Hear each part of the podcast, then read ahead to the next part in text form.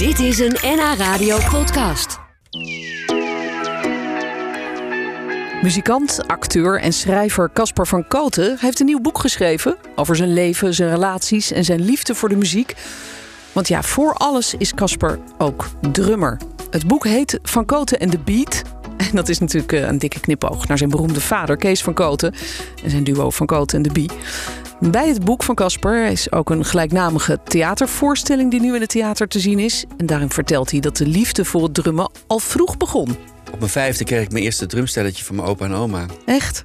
En die namen allebei op mijn verjaardag een plastic drums. Dus beide opa's en oma's uh, namen hetzelfde cadeau mee. Wisten ze niet van elkaar. Want in die tijd was je gewoon op een afgesproken tijd... op een dag was je ergens. Ja, dan ging je niet appen of zo. 26 keer te appen. Wat doe jij aan? Uh, en die gaven mij allebei. Het was wel heel bijzonder. En dat eerste drumstelletje van een van de twee sloeg ik kapot binnen vijf minuten. Oh. Uit enthousiasme. En uh, dus gelukkig was er een tweede. En toen is, toen is het zaadje geplant. En uh, heb ik wel pianoles gehad. Tussen acht en elf, denk ik ongeveer. Maar dat vond ik vooral irritant. Ik hield niet van studeren. Ik wilde nee. meteen doen. Ja, met de piano moet je natuurlijk toch wel ja. eventjes eerst... Uh, maar ja, blij met, dat ik het met, gedaan heb hoor, nu uiteindelijk. Maar, maar, met drummen moet je toch ook wel echt even behoorlijk ja, studeren? Ja, moet je studeren. Want... Maar het, ja, als, je, als je drummer bent of als je van dat instrument houdt... dan voelt dat niet zo, studeren. Nee, dan is het gewoon... Je speelt het sneller. Als je, als je gevoel voor ritme hebt... kun je sneller een beat slaan dan een, dan een liedje spelen op piano. Dat is gewoon zo. Ja. Als je gevoel voor ritme hebt. Ja, dat moet je dan wel hebben natuurlijk. Maar dat heb jij, dat kan niet anders. Anders Ja. kun je gewoon sowieso geen drummer worden.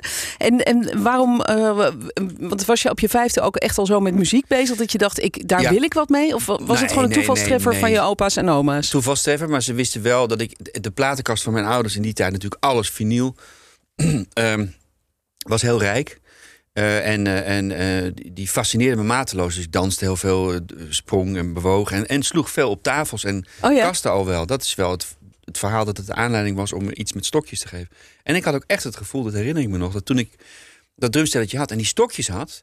dat ik kon zeggen wat ik met woorden niet moeilijk kon zeggen soms. Hè, of dat er misschien een soort geleiding voor mijn, voor mijn drift uh, was. Uh, ik, dat was niet heel erg, hoor, maar ik was wel een vrij fanatiek knaapje. Ja, lekker Energiek, druk. kan ik beter zeggen. Uh, um, en, en, en, maar toen had ik het gevoel, toen ik met die trommeltjes, dat ik dacht, ja, dit, ik, kan ik zeg nu wat ik wil zeggen. Ja, ja. Met muziek. En is dat zo gebleven? Was, is dat nog steeds voor jou een soort uitlaatklep en communicatiemiddel en noem maar op tegelijk? Ja, nu is het echt zelfs gewoon uh, therapeutisch. Ik heb, ik heb weer een, een heerlijk kantoor waar mijn drumstel, mijn echte drumstel. Dus ik heb jarenlang ook een elektronisch drumstel gehad vanwege de buren en in Amsterdam vanwege het geluid. En, ja, dat is wel uh, zo aardig. En dat, daar zijn goede uh, versies van te krijgen. En het is, maar het is, het is not the real thing, toch uiteindelijk. En nu staat mijn eigen drumstel weer in mijn kantoortje en kan ik af en toe. En, en als ik een kwartier gespeeld heb, dan ben ik gewoon weer ont, ontspannen, zeg maar. Oh, wat heerlijk. Ja, dus echt therapeutisch ook. Ja, ja. En net als, als dat ik op mijn mountainbike stap en, en een rondje fiets. Uh, Zo'n soort gevoel. En muziek maken, en zeker met vrienden, is gewoon het leukste wat er is. En toen ik 12 werd, 13 werd, had ik een echt drumstel. Ging met jongetjes uit mijn klas. En eigenlijk vanaf dat moment wist ik, dit wil ik voor de rest van mijn leven doen. Ja, Samen... toen had je eigenlijk al een soort beentje, hè? Op... Ja, ik ben meteen... Ik zat toen net op drumles, maar eigenlijk een half jaar al mijn eerste beentje. En je leert het meest, en daarom ben ik ook zo ontzettend voor... Stichting Meer Muziek in de Klas, structureel, meer, uh, structureel muziekonderwijs in het lager onderwijs.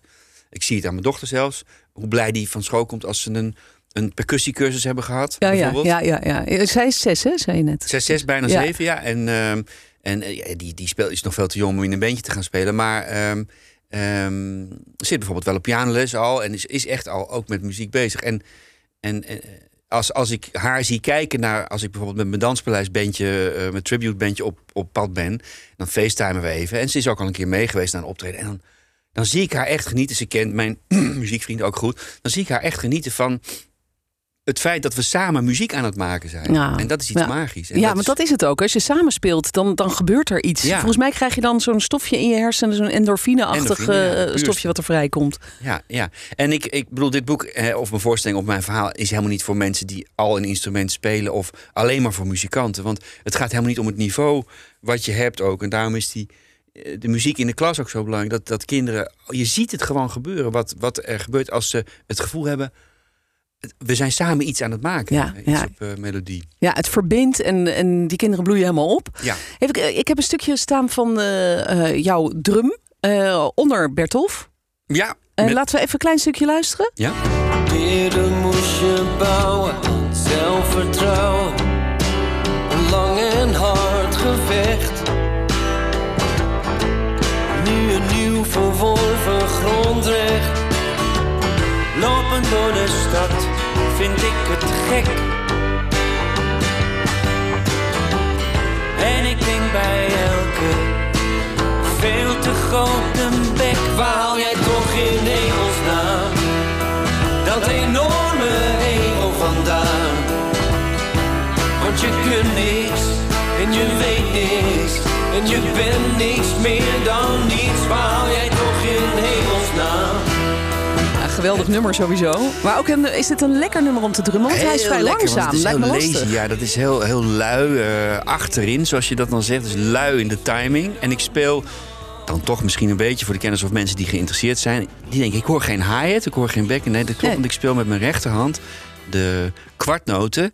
eh, of de achtste noten moet ik zeggen, op, eh, op de rand van de snare drum. Dus dat is dat tikje wat je hoort. Eigenlijk Ah, een ja. soort klok. Ja. En dit is een maatschappij kritisch liedje wat wij acht jaar geleden eh, maakten. Maar wat vandaag de dag zo Kan gewoon Hè, weer de man eh, in de in de straat met de hè? grote mond en, en Ja. het egoïstische gezwets. En, eh, nou ja, Er is goed. niks veranderd in die Niks acht jaar veranderd. eigenlijk. Maar wel heel leuk om daar dan zo'n lazy beat tegenaan te leggen. ja, ja, eh, heerlijk. En, en dit, ehm, ik weet niet of dit nummer ook in jouw voorstelling zit. Ja, dit maar spelen we ook. Ja? Ja? Ja, ja, omdat Leuk. ik het een belangrijk nummer vind. Ook inhoudelijk, textueel inhoudelijk. eh. dus dit spelen we dan live. Ik met Frank Stukker, met de gitarist...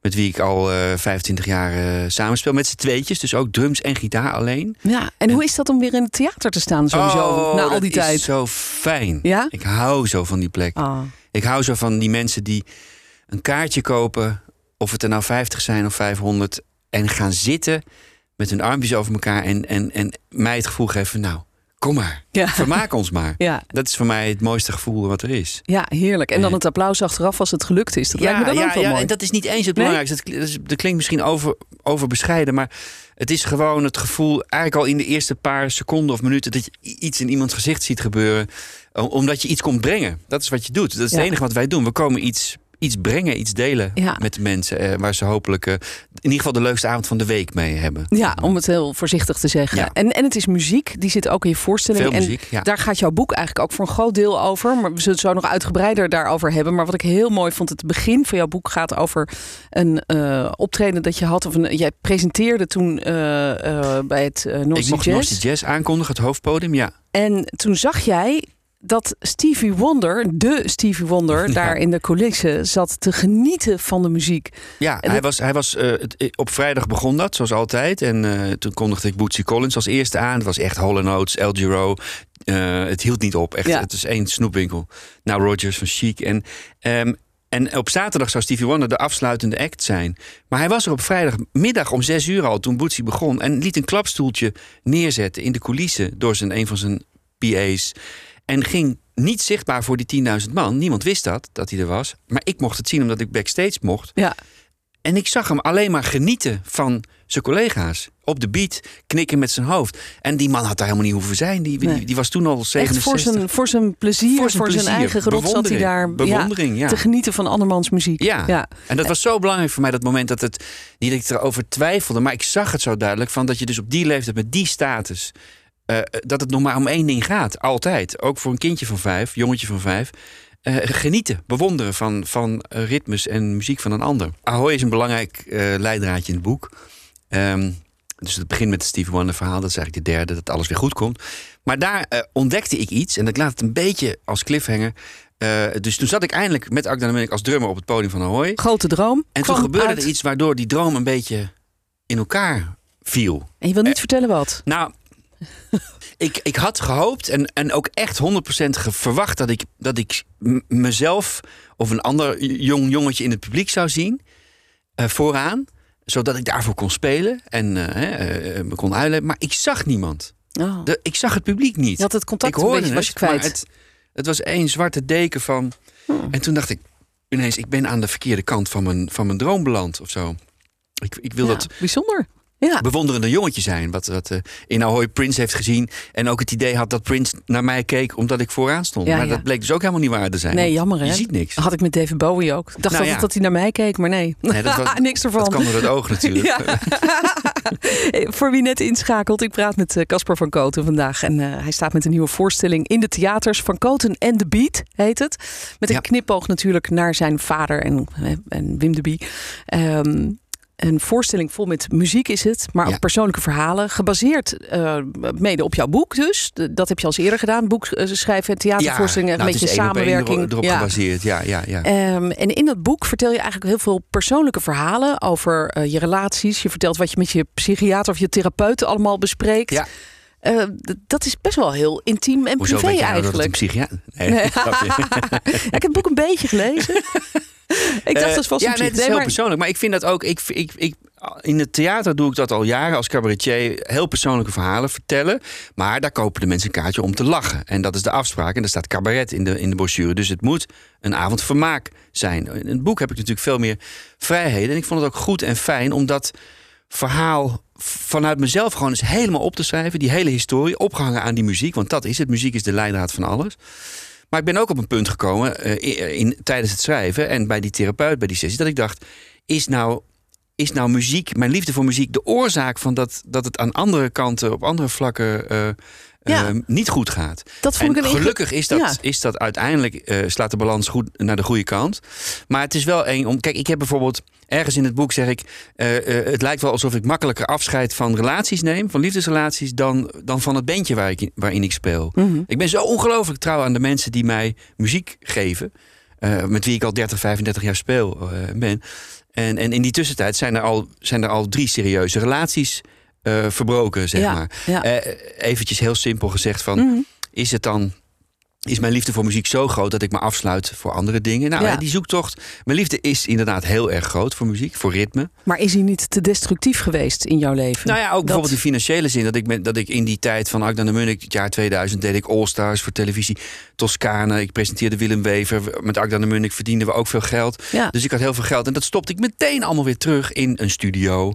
eh, in eh, microfoons en eigen. Dus terwijl ik misschien toen beter, zeker nu, een, een, een huisje had kunnen kopen. Ja, zelf. ja, nee, ja, ik bleef gewoon huren. En, eh. Dus in die, al- alles voor die muziek. Ja, maar, dat is de passie. Dat is waar Dat je is de het, passie. Wat jou drijft is die muziek. maar ik en dat nu- is ook wel heel mooi om te lezen in het boek. Want Ja, zeker. Het is, het is een heel, echt een heel persoonlijk boek. Je schrijft natuurlijk ook over je vader, hoe het was om op te groeien.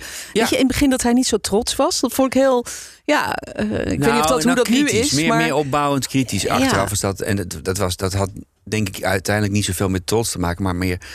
Ja, dat hij gewoon streng en, en kritisch op als het op uitvoerende dingen. Maar ik dacht, ook ja, op zichzelf natuurlijk. En dus ook op, op jou ja, als dat, zijn die zoon. ligt. En die, dat herken ik heel erg bij mezelf. Dat heb ik ook. Dat is ook een valkuil voor ons. Weet je, onze maatstaven, spreek even voor mijn vader en voor mij, gewoon qua werkethos, liggen, die liggen zo hoog. Ja, Ehm, wat je van jezelf eist, dat, het, dat, dat, dat je echt moet oppassen dat je dat niet op je naaste eh, ook gaat eh, ja, dus- eh, opleggen dan. Zeg maar. ja, dus daar pas je ook voor op met jouw dochtertje. Dat je die Zeker, niet zeker. eh, Ze gelijk. hoeft ook eh, helemaal niks. En nee. ze hoeft, kijk, ik ben heel trots dat ze muziek heel leuk vindt. Eh, maar ik zeg ook tegen de, eh, ja, schat, als je pianoles niet leuk vindt, dan, dan gaan, doen we het niet. Weet je. je moet het echt doen als je het leuk vindt. Ja, verstandig lijkt me. Dan eh, krijgt ze ook geen weerzin tegen iets wat ze nu Nee. nog zo leuk vindt. Nee, maar dat vind ik heel belangrijk. Dat is ze- belangrijk, Dat ze, ja. dat, dat ze dat doet, ja. Maar goed, even nog even terug naar me, dat toen ik eindelijk drummen, met, bij drummen, ik moest vechten voor de aandacht, voor de onverdeelde aandacht van mijn vader. Want op het moment dat hij de voordeur uitliep, was hij van heel Nederland. Ja. De bekendste man op dat moment ongeveer.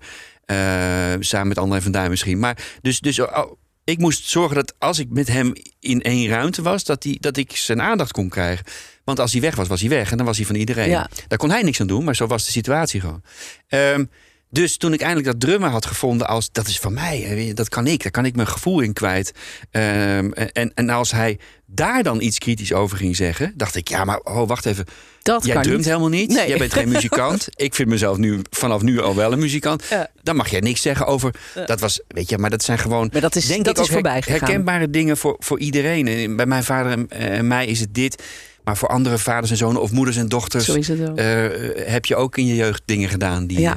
Nou, die moeder anders zou doen. Maar, Ja, en inmiddels is hij natuurlijk hartstikke trots op jou. Ik heb hem wel eens gezien in het Ja. publiek bij een voorstelling van jou. Nou, Nou, hij zat te glimmen van Ik zal trots. de, de, die e-mail die mij, hij mij schreef naar aanleiding van het boek wat hij in één ruk uit had gelezen, zal ik hier niet voorlezen. Maar die was, ik was zelf eh gloeide van trots. Dit was een NH Radio podcast. Voor meer, ga naar nhradio.nl. Radio.